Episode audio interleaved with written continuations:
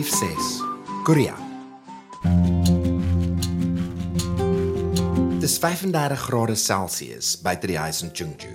Binne in die nat wolkombers vir die weer netjies in sy plekjie hou.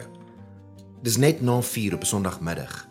Die rede kom ons dit weet dat dit so warm is, nie dat dit Sondag is nie, is dat ons die 2 kg of so 2 dae gelede tot by die treinstasie met ons fietsse afgelê het met ons bagasie agterop Maga se fiets vasgemaak en nou net dieselfde 2 kg teruggemaak het.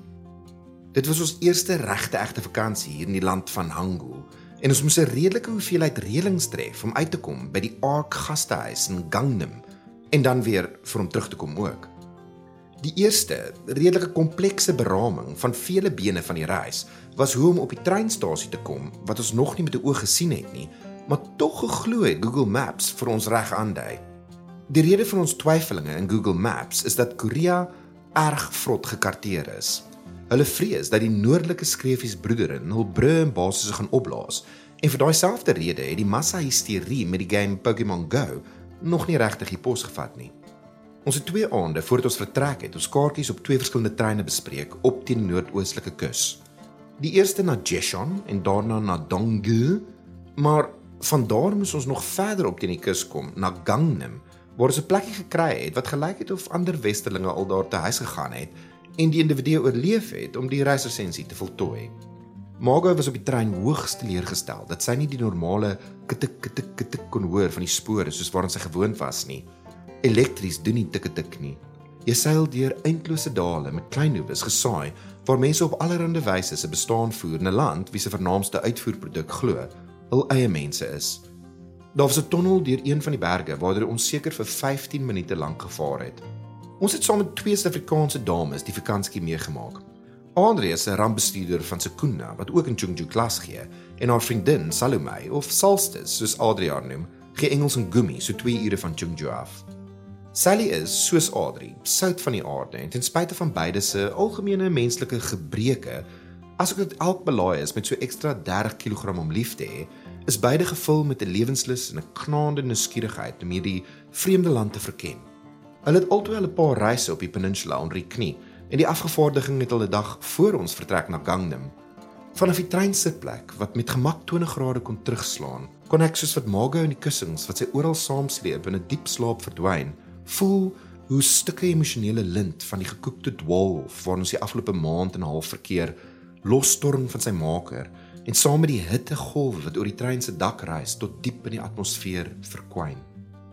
Op die trein kry ons 'n boodskap van Adri wat sê ons moet verby ons afklimstasie ry tot op Jonggongjin.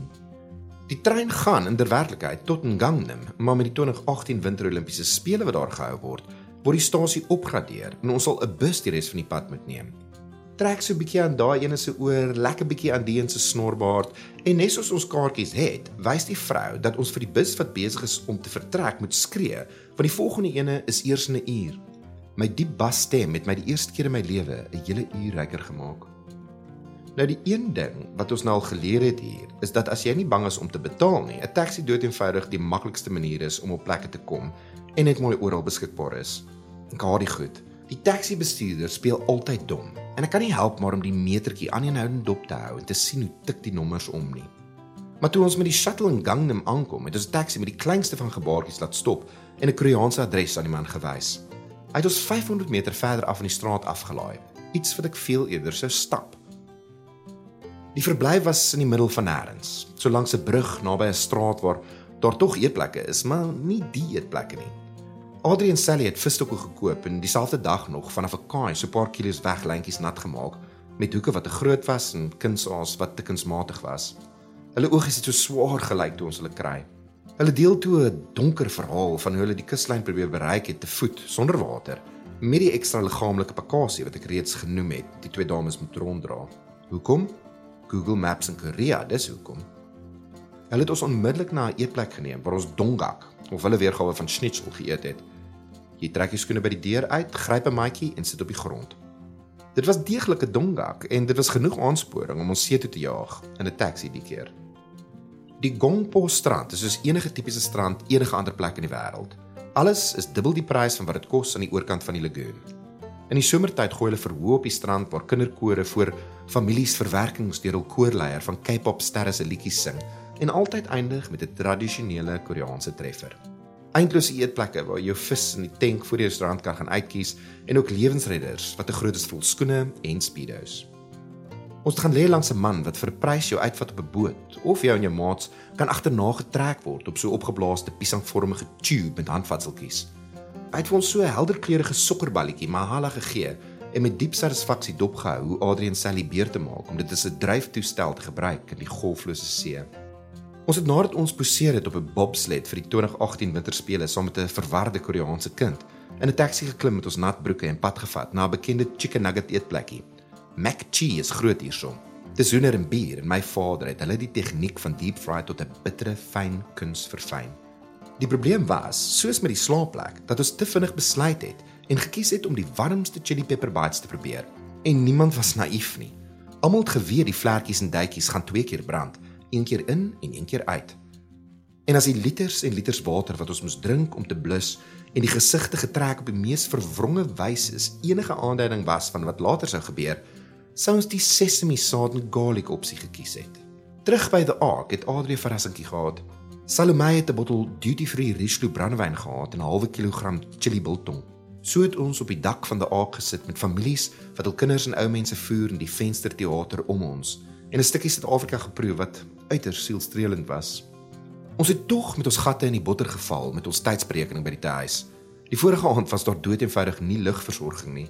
Adrian en Sally moes met nat handdoeke oor hulle liggame slaap met net 'n waaier om die swaar warm lug van die een kant van die kamer na die ander kant te skuif. Dieselfde aand nog is lugversorging in al die kamers geïnstalleer. Ek en Margo stel gewoonlik, as ons kan, dit so koud dat ons onsself dig aan mekaar styf kan toedraai soos twee Viennas in 'n deegkombersie Deerstaan was geen verskil. Die volgende oggend besluit om redelik vroeg ons pad te vind na Jonggongjin, want Adri het 'n kollega wie wou hê ons moet saam met haar familie, wie nie een 'n woord Engels praat nie, die dag spandeer. Ek en Margo het gewilliglik ingestem om hulle daai kant toe te vergesel, maar om 'n hele middag van ons kosbare vakansie te spandeer om te glimlag en te knik, was nie regtig deel van ons meester ontspanplan nie.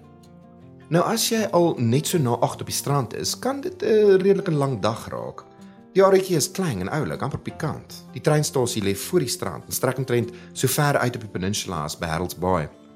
Op die een punt op die heuwel wat oor die see kyk, staan 'n reuse hotel, gebou wat presies in die vorm van 'n groot skip is en net voor hom 'n kleiner seilbootjie wat 'n restaurant is. Oral langs die water is daar sambreeltjies met tafeltjies. Nes ons ons sit kry by een van hulle, kom daar 'n vent en vra ons naby R600 vir die gebruik van sy sambreel wat oor die tafeltjie staan. Ons het die man 'n sarsie van die kakste kyker wat nog ooit bestaan het gesamentlik afgevuur in sy rigting en toe maar enetjie gaan huur vir 'n deftige prys, maar een wat jou oë nie luid lid laat vloek nie. En so het die vier van ons in die watertjies baljaar en oomblikke van luigheid beleef wat 'n groep van 10 munisipale werkers wat 'n gloeilamp in 'n lamppaal in Suid-Afrika omruil, hul koppe in skaamte sal laat sak. So teen middagete het Adri die Koreaanse kollega gebel, maar Margo en ek het onsself verskoon nog verder ligkastele gebou.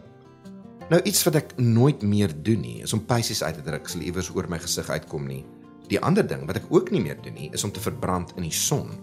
Ek het altyd sonbrandroom by my, maar die dag het ons wat ons gedink het 'n uiters 'n lou Koreaanse sonnetjie is, heeltemal onderskat. Die kreefbaadjies het binne 'n tydperk van 'n halfuur uitgeslaan oor my en Margo. En teen die tyd dat Sally en Audrey teruggekeer het van 'n volmiddagete wat bestaan uit koue noedelsop en 'n blou eier, was dit loetjie verby vir my en my bloedkleurige bruid. Ons het nog vir so 'n paar minute onder die sambreel probeer wegkruip, maar dit was in daai tyd al heeltemal te laat. Jy kan soos wat loetjie verby sy laaste buigingkie maak, net mooi enigiets probeer om 'n laaste keertjie te laat nadink oor of nou 'n loetjie is en of hy eintlik 'n soetsappige tros druiwe is.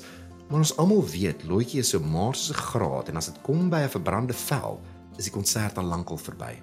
Ons nog so 2 ure gehad om te brand voor Adrian Sally se bus vertrek en Skadi was vir een of ander rede skaars. Eindelik het ons 'n paar koue biere gaan koop en by die voet van 'n wandelpad se ingang gaan sit, by die voet van 'n berg aan die rand van die dorp. Maar die vel het losgevoel soos 'n sanderige leer duikbak en ons gesigte het gebot soos inheemse blomme op 'n Hawaiise vulkaan. Ons het gou weer by Keishan Chicken verbygegaan en vir ons 'n boksie liggegeurde hoender die keer gekry en die res van die aand op die nate van ons rus spandeer, liggies aan die kerm onder die yskoue lugversorging. Die treinrit terug was weer afgeskop met 'n vroeë oggend en met 'n 2 uur wag op John Dong Jin stasie het ons maar op 'n bankie onder 'n boom gaan sit en na 'n groepie Koreaanse jeug gestaar wie daai dag seker verblindend dronk sou word. Oral sit klein groepies Koreaners met selfie sticks vir wat gevoel het soos vir altyd en oral foto na foto na foto na foto van homself geneem. Dit lyk of hulle letterlik net strand toe kom vir die selfie. Die populasie se verwaandheid is nog steeds 'n reuse raaisel vir my en Margo. En ons probeer nog die oorhoofse betekenis pyl van die luiterse narcissisme wat in sigself leeg is behalwe vir die persoon wat in die foto verskyn en die agtergrond wat niks oor die hele situasie voel nie. Dit waarborg ek. Ons laaste rit was met ons fietsse terug van Chungju-stasie na ons huisie in Dagami 6 Kill. Die lug het met skerp naels oor ons rou velle geskeur.